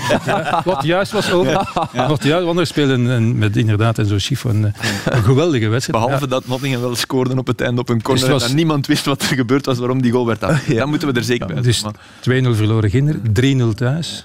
En dan 3-1 op het einde en inderdaad om onduidelijke redenen afgekapt. En dus was de wedstrijd. Ja, ik heb, ik heb ook zitten kijken. Het was een goede wedstrijd van, van Forest. geweldige prestatie van Forest, inderdaad. Liverpool stond niet op zijn sterkst. Salah en Mané waren, uh, Salah en Mané waren niet bij. Dit is de geweldige kans voor de genaamde Philip Zinkernagel. Ja. Kwartier voor tijd. Hij moet hem er gewoon maar inleggen en hij legt hem ernaast natuurlijk. Hij had een ja, een standbeeld kunnen krijgen als hij deze binnenlegt en ze schakelen. Want ze hadden al uh, Arsenal uitgeschakeld en Everton, denk ik. Klopt. In de FA Cup. Klopt. En nauwelijks hier, je kan het aan de klok zien, uh, nauwelijks twee minuten later, het onvermijdelijke dan. Diogo Jota met de goal. Nadien was er nog Stampij. Net, net, net hmm. onside. Net, net, net onside. In vele. Nadien was er nog, uh, uh, nog wat stampij. Ze hadden nog een penalty gewild, maar dat was er geen eigenlijk. De VAR zei nee, het is er geen. En nog een, nog een grote kopbalkans eigenlijk ook. Dus het was eigenlijk een, een uh, geweldige avond voor, nost voor nostalgie. Ja. nostalgie was het. En wie weet zien we ze volgend jaar in de Premier League. Ze staan er niet slecht voor. Ze staan op drie punten van een ja, het is, het is knokken, dus dat was natuurlijk om erbij te zijn. Dus, dus iedereen zei, ja, dat is natuurlijk het belangrijkste. En tegelijk in dezelfde zin zeiden ze, maar toch niet. Nee, dit was het belangrijkste. Maar ze zijn dramatisch aan het seizoen begonnen, uh, Nottingham Forest. Dus het is fantastisch dat onder Steve Cooper daar al staat. Zwat, genoeg over de championship. Um, Wim, Jouw moment? Ja, mijn moment van de week is uh, voor Agent het moment van het jaar, denk ik. Hè. De goal die ze gisteren maken. Misschien ook wel doelpunt van het jaar. Het begint met een wissel, hè. een dubbele wissel. Uh, Gent kwam niet meer over de middenlijn. Uh, en dan kwamen Lemajic en uh, Owuzu invallen. En het begint natuurlijk ook bij de Samoase, rustig uitvoetballen. Uiteindelijk moet er wel weggewerkt worden. En dan Lemajic en Vadis in een geweldige 1-2. Ook nog in één tijd op die Soudali, die in twee tijden naar Kums. En dan vindt hij nog wel de kracht om diep te gaan in de rug van Magalan. En ik denk omdat die uh, ja, geweldige paas natuurlijk van Sven Kums, buitenkantje rechts. Ja. En hij sukkelt met de mediale band van de knie. Die Soudali en ik denk dat hij in normale omstandigheden, als hij geen pijn heeft, die bal misschien nog wel even meeneemt. Maar hier denkt van, mijn dribbles, die lukken al de hele dag niet. Want daarvoor heb je goede knieën nodig. Donderdag ook al niet. Ja, hey, voilà, ja, maar je voelt, je ziet dat die gast niet fit is. Oké, okay, Hein van, van Haasbroek laat hem dan natuurlijk staan, omdat je weet van één moment is voldoende. Maar je had nog geen moment gehad. En het is er uiteindelijk gekomen. Maar het is een geweldige goal als je het bekijkt. En vooral, uh, een minuut na die dubbele wissel, waardoor Vadis, die verdedigende middenvelder speelde, omdat de Saar er niet bij was, eindelijk een beetje hoger kon voetballen en onmiddellijk daar uh, belangrijk is. En het was gestolen, hè. laat ons eerlijk zijn. De eerste helft was van beide kanten mhm. minder. Gent probeerde wel. Uh, moet er wel bij zeggen, ze waren uh, stikken dood. Hè. Ze waren echt kapot, dat zag je. Iedereen uiteindelijk. Hè. Uh, blijkbaar Tissoudali minder dan Mangalan, die hem toch ja. in de rug Ja, ik wou net zeggen, dat was heel slecht verdedigd. En, en, en, je ziet hem nog draaien en in de rug. En Hoed ook. En van Waarom loopt Hoed daarmee? Die moet mee de lijn houden. De aan die kant. En nu als keeper. Ja. Ik had het gevoel als ik die, die bal zag... Hij zet hem op zijn knieën. Hè. Ja. Hij zit zo op zijn knieën. Hè. Ja. Ik vind hem een goed seizoen, maar ja. daar heb ik het gevoel... Och, ja. Een beetje uh, pech vooral. Je weet dat hij gaat afwerken, want hij deed het tegen Serrain ook. Toen met rechts. Ja, maar met links, dit, nee. ik heb hem nog zelden... Nee, ja. Het is ook echt wat hij in één tijd pakt, hoor. Ja, dus ja tuurlijk. ja. ja, en heeft al wel meer gedaan, maar dan treft hij geen, geen raak. Hè. Maar is echt wel, ja. en dan kunnen ze wel zeggen bij Gent van, en dat is ook zo, eh, qua expected goals zitten ze ver onder uh, wat ze eigenlijk hadden kunnen scoren hè, met aantal gemaakte goals. Mm. Maar gisteren hadden ze, wat is het, 0,13 expected goals. Uh, ze hebben er uiteindelijk wel eentje gemaakt uit ja. geen doelkans. Ja, uiteindelijk is dit... Jawel, ja, ik vind dit wel een ah, doelkans. Ja, maar dit is geweldig gedaan. Ja, ja maar het is geweldig gedaan. Maar, kan je nu zeggen dat dit geen... Ik, ik, ik hoorde dat ook, ik begrijp niet waarom dit geen doelkans is. Dit is als het Tissou Dali is en met links, en dan denk ik van... Maar nee, dit is kan toch vrij, kan toch vrij aanleggen in de, klei, in de bijna kleine rechthoek of toch in een strafschopgebied. Maar het is zoals je zegt... Er staat niemand tussen, dus... Nee, nee ja, klopt. Vond een doel. Allee, een prachtig uitgespeelde doelkans. Zeg maar, we hebben het over die vermoeidheid. Hè? Die, die Gent misschien ook wel parten heeft gespeeld. Hè, met die wedstrijd die ze donderdag ook nog hadden. Maar Filip, jij hebt ontdekt dat het misschien ook een voordeel ja. was. Een geluk bij een ongeluk. Ik wou, al die ploegen die donderdag gespeeld hebben, hebben gewonnen. Maar kijk Sven Kunt, die trapt hier echt een dramatische corner. Denk vermoeidheid. Hè? Dat, dat zit ook in je trap. Uh, en Kums geraakt niet terug. Kums raakt normaal altijd terug, maar kijk, dit is niet lopen. Hè. Wat dat doet, dit is, uh, en hier, hier gebeurt alles. Hè. Dit is uh, de inleiding met Raman. Dat we net gezien. Een fantastische Amoise die ik samen met Castromontes ja, ook donderdag echt sterk vond. En, en die jongens doen het, doen het geweldig. Kums staat daar nog altijd ja. uit te hijgen. En is daarom ook vrij. Want, want zit niet in zijn normale ja. positie en doet dan, ja, heeft, heeft lang, net lang genoeg kunnen ademen om zijn buitenkant rechts te vinden. En zo zie je maar dat dankzij de Europa League en dankzij het feit dat je niet meer kan lopen, je wedstrijden kan beslisen. En ook de wissel, hè, want ja. Jules die gaf alle hoekschoppen hè, tot dan. Hè. Die was ja. ja. ja, want er was discussie. Wie moet nu die corner gaan nemen? Ah ja, hij is eraf, dus ga maar gaan. Hè. Zij komt met het laatste restje kracht wat hij nog had. Hè. Merci voor jouw moment, Wim. Zo zitten wij direct bij de match van het weekend. En uh, qua sfeer en aandacht was het dik in orde. Een uitverkochte Gelamco Arena. Dat was al even geleden, denk ik. Het was in ieder geval mooi om te zien en mooi om in te vertoeven. Uh, maar Filip, als we zo eerlijk mogen zijn, en, en, en Wim heeft het ook al gezegd, qua spelniveau op het veld. En zeker... Ja, ik vond het wel ik, vond het, ik vond het wel een, een, eh, een echt eh, beklijvende wedstrijd, omdat je weet wat er op het spel staat. En maar voortdurend je ergens voelde, want het is een dubbeltje op zijn kant en het, het, het kan wel vallen. Ojija, inderdaad, als, als defensieve middenvelder, heeft keihard gewerkt. Heeft, uh, denk 12 en kilometer gelopen. Dat zijn uh, echt wel straffe statistieken voor hem. Maar de keerzijde van die medaille was dat uh, zijn passing minder was. En hier, dit is geen moment van een verdedigende middenvelder. Hè. Dit is een moment waarin Ojija wel eens vaker komt. En dat is niet slecht aan, want hij maakt de juiste keuze. Alleen is de paas te hard. Ja. Uh, deze bal zie ik hem ook geregeld wel eens doen. Opnieuw is het idee goed. Dus dat stelt tegen dat je vrij lucide bent. Maar is de, is, is de paas ja, gewoon gewoon niet goed genoeg. Maar nogmaals, werkte hard. En klopt wat Wim zegt, eens hij dan mocht opschuiven, zat hij er wel bij. Deze bal, dan, toen dacht ik van nee, dat is Ojija niet. Hè, dat, dat, dat is Fadis niet. Uh, ook dit, normaal, dat moet allemaal net iets juister zijn. Dus hij had veel afval in zijn spel. Ja. Hij brak ook veel af, dat wel. Uh, deze moment, oké, wordt hij opgesloten, want dat deed Anderlecht wel goed, vond ik. Uh, de man in balbezit uh, proberen opjagen. Zeker in de tweede helft. Ja, ja. Leidt, hij, leidt hij daar ja, onvadisachtig balverlies. Mm. Maar hij was... Ja, het was een, een aanklampend agent in die tweede helft. Dat is, dat is op zich ook een, ook een kracht. Hè. Mm. Buigen, maar niet breken. Ja, dat is waar. En een kracht die ze misschien dit seizoen hebben moeten ontwikkelen, want die, die was er de eerste maanden niet. Bij Anderlecht, Zirkzee, het is de vloek van extra time. We hadden hem hier uh, vorige week zitten, maar het was, was niet zijn beste wedstrijd, Peter. Nee, en in principe denk ik dat hij technisch misschien wel ja. boven iedereen uitsteekt. En dan kan ik niet begrijpen dat je zoveel, uh, zoveel afval hebt in je spel. In, ik kan nu zeggen, dit was een beetje een moeilijk geprobeerde bal, maar we gaan een heleboel voorbeelden krijgen die, die voor mij onbegrijpelijk zijn. En die voor mij alleen maar kunnen verklaard worden door ik weet het niet, gebrek aan, aan focus en concentratie aan gebeten zijn in wat toch de belangrijkste wedstrijd van het jaar is of, van het moment voor Anderlecht. Of het omgekeerde, nee? Nervositeit, ja, ja, stress. Het gevoel van ik moet het nu doen? Of, of nee. Waarom niet gewoon een off-day? Kan ook. Ik denk dat eerlijk maar hij heeft er al veel te veel van die gaat. Dat is het probleem natuurlijk. En zeker op zo'n moment. Het, het blijft maar duren. Het was raar dat hij nu zo lang op het veld stond. Terwijl je soms hebt van, allez, waarom gaat hij er al af? Ja, maar hij heeft een hele periode eigenlijk een aantal wedstrijden aan elkaar van, van dat gehad. En toen we dachten, ja, waarom begint Raman dan een keer niet en kan hij eens invallen? Dan had hij er wel een paar goeie, zoals vorige week uiteraard tegen, tegen Antwerpen. Maar dat, dat blijft voor mij een, een raadsel. En, en als je echt een... Uh, uh, de drive hebt en de overgave en de uh, onverzettelijke wil om een absolute topspeler te zijn bij Bayern München, ja, dan moet je, toch, uh, moet je toch meer brengen in een topwedstrijd zoals, zoals deze, vind ik. En, en als je dan ziet hoe hoe die Kouame daarnaast, met al zijn beperkingen, die technisch misschien de helft is van Zirkzee, blijft lopen en werken en storen en, en, druk zetten in al zijn ja, onbeholpenheid. Ja, want goed was hij ook. Nee, nee, maar ja, dan, ja. Dus je zou moeten... Ja. Een combinatie van de twee, bij wijze van spreken. Uh, Davy Roef, Wim, die staat sinds eh, de wedstrijd op Brugge in de competitie. Die zegen uh, in doel, in de plaats van Sinan Bolat. Ja. En uh, je bent zeer te spreken over hem.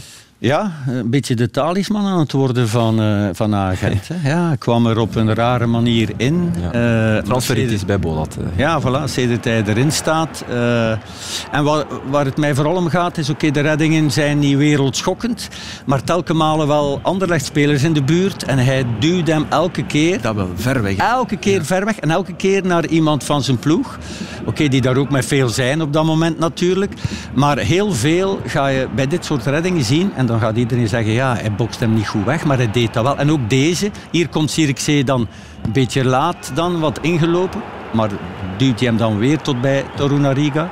En zie je daar iets bewust in, Wim? Als, als, ja, als keeper, of is dat, ja, is dat nu dat echt... Het valt mij wel op bij, bij ik, ik snap dat je ja. ver duwt, maar, maar ook naar het is wel elke keer weggevallen.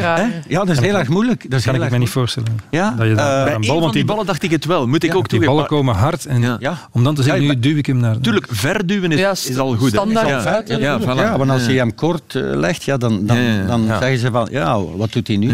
Maar, maar, maar hij staat elke keer heel goed opgesteld. Dat wil ik niet zeggen. Zijn reddingen waren altijd wel vrij eenvoudig, leken vrij eenvoudig. Omdat, zeker bij die bal van Verschaar, maar ook bij Verschaar, omdat hij gepositioneerd stond. Als hij twee meter achteruit zit, ja, dan, dan kan hij er niet bij of moet hij spectaculair redden. En hij, kwam dus hij, hij, deed het eenvoudig lijken. En natuurlijk, Torunariga is er ook bijgekomen. Mm. Hij heeft zes clean sheets op die negen wedstrijden. Ja, dat is geen toeval. Dat is echt een ja, dat is echt, ja. En er is een soort symbiose tussen die defensie en die keeper. Wat ze met Bolat ook wel hadden. Ja, hè? Ja. Want hij had ook heel weinig tegendoelpunten. Ze zaten ook samen met Union als beste defensie in België. Bolat haalde ook echt een goed Bo Bolat keepte een, een, een, goed seizoen. Kreeg er één keer vier binnen. Maar het is wel wilder... Voilà, het is dat ik wil zeggen. Ja, bij elke redding had Sinan zoiets van... Die maakt zich elke keer boos. Heel ostentatief op de dienen die had laten trappen. Dat hoeft niet. Nee, maar veel keepers hebben dat. Ja, maar daar sta je waarvoor Waarom, waarom wordt er naar mij geschoten? die uitzondering. Ik had het, nee, ik, ja, ja, waarom? ja, ja, je staat er wel voor om een redding te doen, om een bal te pakken. ik had dat ook wel in het begin van mijn carrière. Ja, toen een illuster iemand die ooit nog uh, heel goed bevriend was geweest met Vukasovic. Dat was een keeper van uh, Agent in der tijd. Mm. En die was er bevriend mee gebleven. En die meneer, een oudere meneer, die, die riep mij eens en die zei... Je moet dat niet doen dat komt niet goed over. Waarvoor doe je dat? En ik ben er beginnen over nadenken. En inderdaad, dat haalt niks uit. Integendeel. Hè?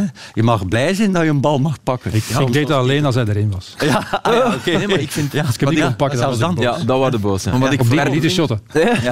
Ja. En dat was meer in jouw tijd, want nu gebeurt dat bijna niet meer. Maar okay. vroeger bij afstandsschoten deden keepers dat. Terwijl ik dan altijd dacht, wees blij dat ze van op 35 meter naar de goal trappen. Dan heb je het goed gedaan. Weet je wie dat dan werd hij nog boos. Maar Sinan had dat nog, had dat ja, echt wel dit jaar. Werner, Olivier Werner, herinner ik me ook nog. Ken je ja? nog? Werner van Westerk. Die had dat op een... Uh, maar ja, die, en gisteren, die, die wist dat, zeer, die wist dat elke bal die kwam binnen zat.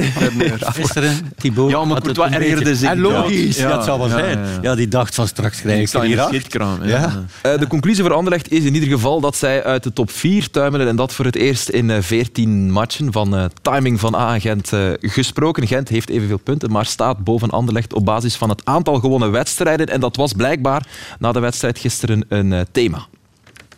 dat me beter uitgekomen met een beetje doelpuntensaldo of zo. Dan maar het is nu eenmaal zo, dat heb je niet onder controle. Dat is, dat is nu eenmaal de regel en dat respecteren we ook. Dus um, we moeten gewoon zien dat we nu ons werk doen. Um, maar het is nooit gemakkelijk geweest voor onze tegenstanders, ook in de laatste weken. En, um, kijk, ze zijn favoriet, maar er hoeft maar één iets te laten liggen. Dus we moeten gewoon ons, ons eigen werk doen. En de rest hebben we nu onder controle. Ik ben voorstander van een klassement met doelsaldo. En dan kwamen er gewoon niet aan te pas. Want Anderlecht heeft dubbel zoveel goals, doelsaldo dubbel zo hoog als onze bijna. Maar ik ben altijd voorstander daarvan, omdat ik dat veel eerlijker vind dan het Belgische systeem. Maar ja, wij moeten als enige in, in heel de wereld toch vasthouden aan iets. Hè. Anders... Uh... Um, ik ben ook voorstander van minimum zes ploegen in play-off 1. Want dit gedrocht van dan toch te willen absoluut met 18 te spelen en dan maar een play-off 1 te kunnen doen met 4. Dit is echt absoluut onzin. Er zijn te veel goede grote ploegen in België. Dus je moet minimum zes ploegen hebben. Dan moest ik het voor kiezen hebben, dan is twee reeksen van 12. En zelfs een play-off met 8. Dat zou het beste zijn. Um, dus ja, ik voel eh, mee met, uh, met Vince, omdat zij een fantastisch parcours hebben afgelegd. Dat zij altijd verdienen om in play-off 1 te zitten. Ja, hij van Azenbroek kon nog een paar dingen vertellen, duidelijk. Maar het klopt niet helemaal wat hij zegt over het uh, aantal... Nee, maar Company, ik, ik, ik snap niet heel erg goed uh, wat, wat, wat zijn, zijn liefde voor een ander playoff systeem betreft. Daar, daar kan ik inkomen. Ik bedoel, ja. dat dat met vier een beetje... Ja. ja het, is, het is wel mooi, het geeft wel weer... Het is een bloemetje dat hij werpt. Maar zwart, ja, hij werpt echt uh, een, hele, ja, een hele tuil. ik denk dat dat met het oog op de bekerfinale is. Even. Maar hij kan nog meewerken, hè?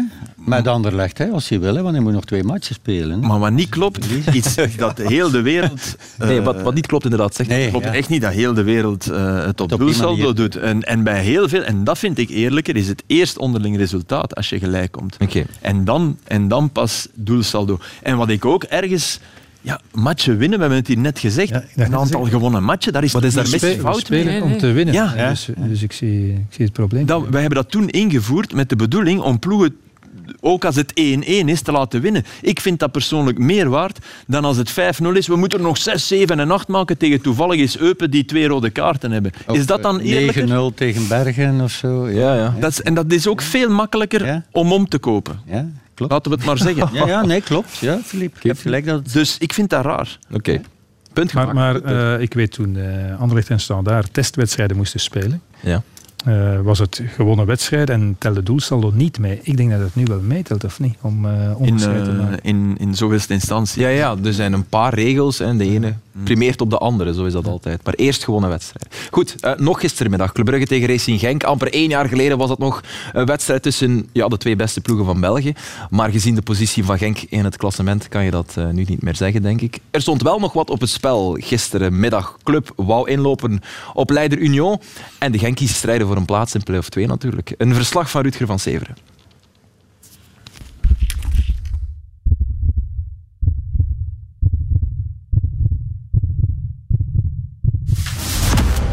De Ketelaar. Brits pour l'ouverture du score. Début match parfait. Binnen de vier minuten de voorsprong voor Club Brugge. Hans van Aken, hij scoort hier ik loop naar hem en hij zegt, ik heb hem niet geraakt. Ik zeg, ja, dan is het mijn goal. Hij zegt zo, ja, ja, maar ik denk dat ze aan mij gaan geven. Ik zeg, ja, dan is het een assist. Dus was beide goed.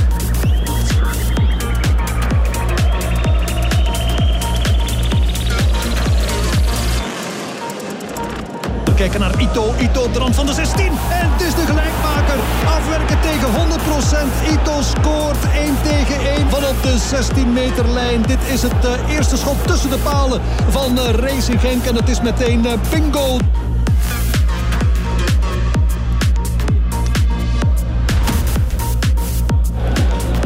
Dakut c'est pas mal joué, le décalage en effet vers euh, Mata qui parfaitement la course du ballon pour la tête de, de Ketelaar. Bruges marque rapidement, en fait on copie et on colle le scénario de la première mi-temps.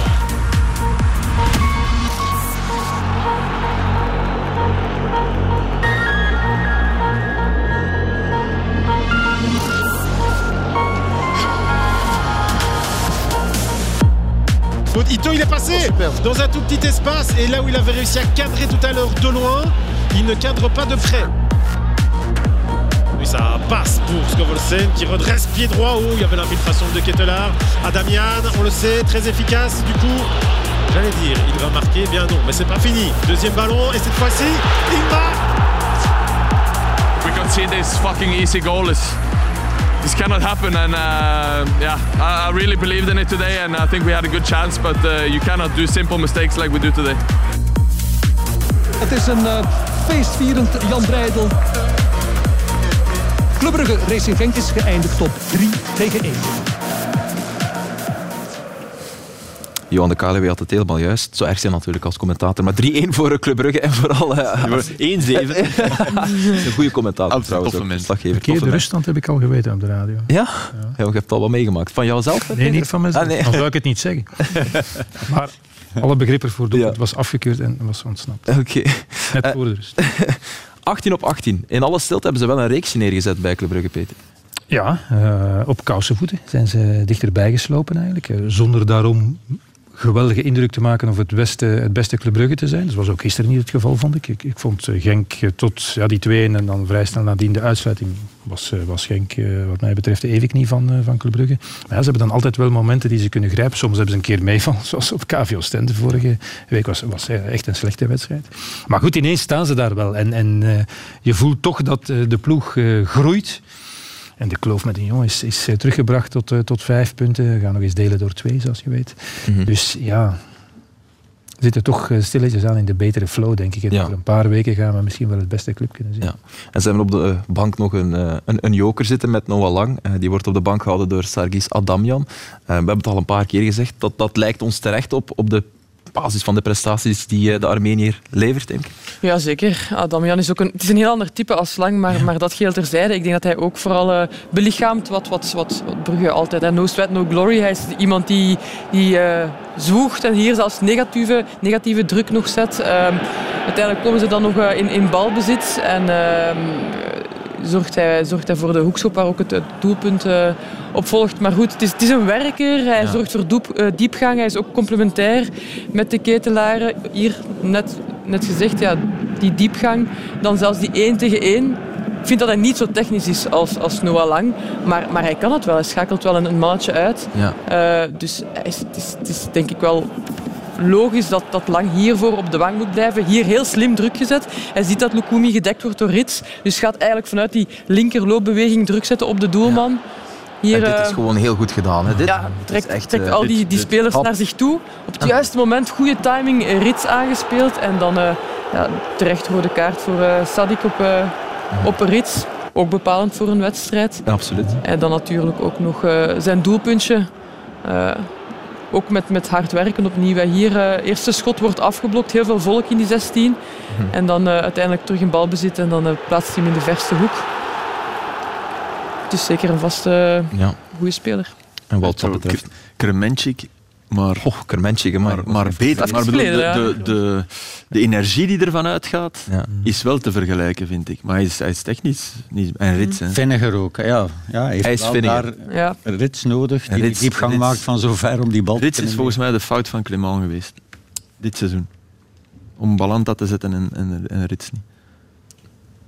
Ja. Ik vind dat Rits, Rits Wat ik vooral, in deze ploeg niet weg te denken Maar Rits in vergelijking nog met meer met Balanta is vooral die ja. meedurven opgaan en infiltratie. En, en, dat had ik vroeger ook eigenlijk niet gezien hoor, in hem. Dat hij die aansluiting kan maken. En daar, maar ja. Schreuder, Schreuder wel een, een aantal rare keuzes gemaakt die wij niet zouden gedacht hebben dat ze zouden maken bij Club Brugge. Langer Met langere, ja, langer uit. Uh, mm. daar centraal op het midden. Ja, door, ja. langer, langer uit is door omstandigheden gekomen. Ja, dan werkt het en dan blijf je er. Ja, dat is waar. Ik vind, ik vind Odoi de, de, grootste verrassing. Ik heb er nog mee op topsport gespeeld. En, en Odoi was voor mij altijd een verdediger. En dan zag je die eerste weken dat hij op elke positie speelde, had je het gevoel dat hij niet goed wist wat hij daarmee moest. En dan uiteindelijk vindt hij zijn plaats daar op het middenveld. Maar die stappen gezet uh, hebben we in de Premier League en in de Championship. Hebben we het gevoel dat club door play-off 1 gaat razen? Ik, ik niet. Nee, nee. nee, ja. nee maar, dat nee, maar het is zoals gezegd. Peter zegt. Hè? Ja. 18 op 18, op ja. kousenvoeten. razen, dat zeg en, nee, nee, Daarvoor en, hebben ze nog uh, te weinig overtuigd. Ja, op zijn uiteraard, maar te weinig overtuigd. Maar zonder goed te spelen wel die 18 op 18 pakken. Oké, okay, ze gaan nu ook uh, ja, om bij Union te komen nog twee keer moeten winnen. Gent gaat ook twee keer naar elkaar moeten. Iedereen moet nu nog al die reeksen gaan Beerschot, dat gaat nog wel lukken. Het Kiel is leeg. Ja, ja, Dan thuis KV Mechelen. Wim, je, hebt, je hebt even gekeken naar de positie van Charles de Zijn wedstrijd. Zeker vooral in de eerste helft had, had uh, Club het ongelooflijk moeilijk met de spiegeling eigenlijk. Uh, wat Stork gedaan. Kijk, de ketelaren. Uh, Imke zei ja, een goede entente met Adamian. Maar hij zat echt wel ja, vanuit die spits vertrokken. Deed hij bijna nooit heel veel balverlies. Niet alleen bij hem. Hè. Er werd heel veel overgelaten aan, aan Mechelen. Maar stilstand bij club. Hij komt dan nog tussen de lijnen. Wil dan doordraaien. Maar vindt ook niet direct een, een afspeelpunt. Dus heel veel balverlies. Oké, van hem. Hier zit hij op zijn eigen baklijn. Hij zat eigenlijk bijna nooit voorin. Als tweede spits was hij amper te zien. Hier uh, ja, komt hij er of probeert hij eruit te komen. Goed, met die drie mensen centraal achterin wou er ook wat van weglopen. Tweede helft hebben ze zeker gezegd van dit moet veranderen. Je moet veel hoger gaan voetballen. Dit is de eerste minuut van de tweede helft. Daar vergeet hij ook nog wel als een echte spits eh, onmiddellijk eh, voor doel te komen. Maar dan, eh, een minuut of twee, drie later, eh, winkt hij al hier van hier ben ik. En dan als een echte spits hè, voor Sadik. Tussen Sadik en, uh, en Lukumi of als Cuesta. En is ook echt passief, passief verdedigen. Ja, passief verdedigen. Ja, maar ja, wel, wel. En hij kan echt goed. Hè. Hij heeft het al verschillende keren gedaan. Hij kan ook echt goed. Ja, hij, ja, hij, hij kan alles goed. Wat met techniek te maken heeft, kan hij alles goed. Maar wat, wat ik veel zie bij hem is dat hij in de eerste helft heel veel moeite heeft om, om in de wedstrijd te komen. Hij heeft wat tijd nodig. En, en dat hij dan gaandeweg, als er wat meer ruimte komt, het, wat beter leest. Ja. En, en je kan, een van de criteria bij club is wel van hoe goed spelen ze als je uh, de ketelaren in de 16 kan aanspelen. Mm. Als je hem, Als je hem daar kan Want daar kan ik hem wel sterk als er geen, goed, geen ruimte is. Nee, ja, voilà. Ook maar, omdat ze dan wat moeten, ja. En dan mag het rechts zijn of links of, of centraal of via een 1-2. Okay. Uh, maar ja, gisteren had hij het moeilijk, eerlijk gezegd. Maar goed, hij maakt dan wel de beslissing. Doorgekomen met een, eh, een belangrijke doelpunt alweer. Uh, nog twee speeldagen en dan valt het doek over onze reguliere competitie. Nog twee matchen voor de clubs om te vechten voor de plaats die ze zo begeren. in het geval van Antwerp, Gent en Anderlecht is dat de top 4 uiteraard. Het uh, staat er allemaal op een zakdoek. Genk moet ook echt opletten voor STVV en voor Cercle Sint-Truiden dat gisteravond won. Dat was een leuk duel tegen Beerschot, maar ik denk niet dat veel mensen hebben gekeken wat was de Classico. Ik heb wel gekeken en ik heb genoten. Serijn heeft uh, ook nog een mini-waterkansje op een barageloze toekomst. Topschutter in onze eerste klasse is nog altijd Denis Oendaf. Hij heeft drie doelpunten meer dan uh, Michael Vrij. Xavier Mercier is de beste assistgever op Belgische velden. Maar dat wisten we al langer. Hij heeft er twee meer dan Dompe. En dit is dan de volgende speeldag. De voorlaatste over twee weken na de Interland break. Als we optimistisch zijn, in elke wedstrijd staat er eigenlijk nog iets op het spel. Of het nu een strijd voor de titel, play-off 1 of play-off 2 of de playdowns is. Peter, je kijkt met een bedenkelijke blik, maar overal staat er eigenlijk wel nog iets op het spel. het is met veel goede wil. Ja, met heel veel goede wil. Geleerd uh, bij, bij de radio. De Belgische competitie blijft boeien. You heard it here first. Um, we hebben het al uitgebreid over het nieuws uh, van de dag gehad natuurlijk. Uh, de komst van Mark Overmars naar Antwerpen, maar er is ook het sportieve luik. Zaterdagavond speelde Antwerpen tegen... Uh, ik ben even kwijt. Zulte tegen Zulte Waregem. Sorry, ik was met KVO Stende ja. tegen uh, Zulte Waregem. En heeft het een uitstekende zaak gedaan natuurlijk met het oog op uh, play-off 1. Het won thuis tegen uh, Zulte Waregem met een doelpunt van Ali Samatta. Ja, ingevallen en, en ook wel verdiend, want Vrij had een kans laten liggen die hij normaal bijvoorbeeld nooit had laten liggen. Het was vooral de invalbeurt van Mio en hier doet Vrij het geweldig. Hè. Bal opzij naar Samatta. En toen dacht je nog van, oh nee, Samatta, man. Ik bedoel, je, je bent alles kwijt wat je ooit zo fantastisch maakte bij Racing Genk. Maar dan komt uh, dit moment, nog altijd 0-0. De Bosuil die een beetje aan het morren was, maar ook weer niet te veel, want ze gingen er echt wel voor.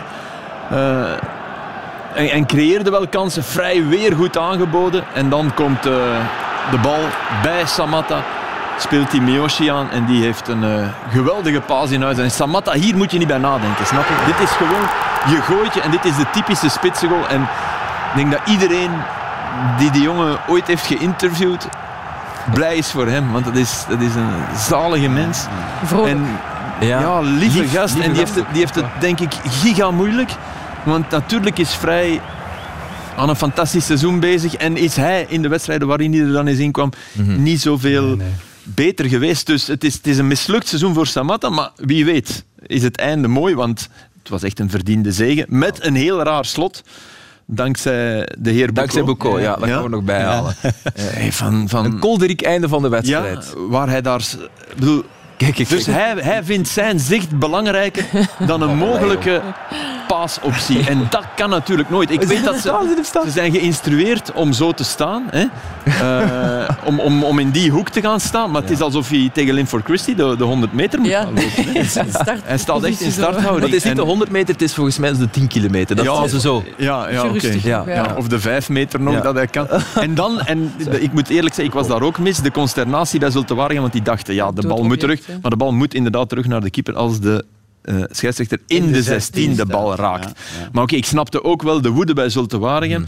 Uh, ja, ik hoor dan ook mensen zeggen, ja, eh, die, die bal van Dompe, die moet hij voor de goal... Nee, Dompe moet niks. Hè. Dompe mag kiezen. Ah, nee, natuurlijk. Ja, maar Dompe trapt wel tegen de scheidsrechter. Het is niet dat hij een loopbeweging maakt. Hij staat ook stil natuurlijk. Nee, maar je... Hij had ook kunnen zeggen kan je ze uit de weg gaan, maar dan was het de ja, verrassing weg. Ja, ja, Want ik maar ja, je moet, de scheidsrechter staat er wel natuurlijk. Ja, het is, wel, het is niet dat hij nee. ineens vooruit loopt. Dus ik bedoel, ja, en wat wel klopt is dat het vreemd is, want het is eigenlijk de ideale bal om vandaar scherp voor de goal te trekken, want dat is als keeper rot. Hè. Dan sta je daar en kan, lopen ze voor je in. Ja. Maar, maar oké. Het was niet slecht gezien, want iedereen van Antwerpen stond in ja, eigen 16. Ja, ja, het was de goal. Hey, Pauk scoort op die manier, ja, ja, min of meer op die manier. Die kwam vanuit, maar oké. Mhm. En toen dacht ik plots aan, uh, weer aan Barcelona. Dan hebben we Alfa en Omega met Barcelona. Is dat, oké, nee, met Mark Overmars, maar kom. Nee, nee. Uh, dat, was, dat was dit moment waarin de, je moet kijken naar de scheidsrechter, dus uh, de gelijkmaker. Fantastische goal van Pedri. En Frenkie de Jong zegt hier, uit de weg jij. Want die mannen lopen vaak in de weg. Hè? En dan doet Pedri dit. Maar initieel stond de ref daar ook wel even. Stel je voor dat hij de bal raakt, dan hadden we deze heerlijkheid van een goal niet gezien. dat is waar. De verdedigers spelen wel goed mee, moet ik zeggen. Ja, maar die... Ja, maar dat is vaak. Als er één glijdt, glijdt de tweede mee. Hè. Het ziet er niet uit. En Barcelona... Het gaat nu over het antwoord. Uh, moet Messi nu terugkeren naar Barcelona? Want hij is ongelukkig. Paris Saint-Germain, zou die de luchthaven sluiten. Ja, ja. Echt waar. Ja, maar nee, ik bedoel... Ja, nee, ineens krijg je dan weer een andere dynamiek? Nee, nee, nee, met alle respect, maar nee. Dan worden zo oude mannen daarnaar gevraagd. Dani Alves moet dan op een persconferentie... Natuurlijk zegt hij... Natuurlijk zegt hij De deuren staan altijd open. Ja, eh, nee, hij zal eens even zeggen... Nee, die, die Argentijn. Wie? Wie? Messi? nee, dat is... Nog één moment, Filip. Uh, uit, diezelfde wedstrijd. Ik, ben, uh, ik ben team Jordi Alba. Ja, goed. Ja. Uh, door een persoonlijke ervaring. Vertel ik straks uitleggen. dus Jordi Alba krijgt van alles naar zich geworpen in Istanbul, moet dan gaan ingooien van de scheidsrechter. Gooit dan, uh, wil dan ingooien, krijgt dan weer blikjes en wat is het allemaal over zich heen en doet dan dit. ik vond dat, ik, oké, okay, hij krijgt er een kaart voor uiteraard. Die van Galatasaray worden oh, boos op Jordi Alba, want die gaan dan heel erg hun publiek, eh, hun supporters die zelf in de fout gingen, uh, verdedigen. Maar ik moest denken aan uh, een wedstrijd Turkije-België in Istanbul waar ik uh, interviews moest doen aan de cornervlag. Ja. En uh, Stijn Stijn was aan het opwarmen met Theo Kusters. En er, er zaten al ik ga zeggen 15.000 Turkse supporters en echt al te roepen en wild en, en af en toe wel eens iets te gooien, maar dat viel eigenlijk nog redelijk mee. Tot Theo Kusters uh, zijn beide middenvingers toonde aan die mannen. De Kusters stond daar op te warmen, hier Stijn en ik stond naast Stijn. Daar was de interviewpositie. En wat daar naar beneden kwam. Dus ik dacht... Niet naar Kusters, maar naar u. Ja, nee, naar Kusters, maar ja, ze konden niet zo goed gooien. dus ik dacht, oké, ik ben team Jordi Alba. team Jordi ja. was goed. Alright, um, wij gaan dan stilaan af. Ik zit hier... Uh, ik zit, bijna zoals Frank, hè? Echt, Frank is dat altijd zo. Sorry, uh, Frank. Um, om af te ronden nog een, uh, een, dienstmededeling. Volgende week is er geen extra time. Uh, er is interlandvoetbal. De Rode Duivels spelen twee vriendschappelijke interlands tegen Ierland en Burkina Faso. dat we geef ik jullie nog even mee. Ik ga jullie alle vier bedanken voor jullie aanwezigheid en voor jullie meningen en inzichten ook, zeker in het eerste deel van de uitzending. Merci allemaal, Filip, Wim, Peter en Imke. En u uiteraard ook, beste voetballiefhebber, graag tot over twee weken. Dan zijn wij terug voor de laatste rechte lijn van het seizoen. Tot dan! Müzik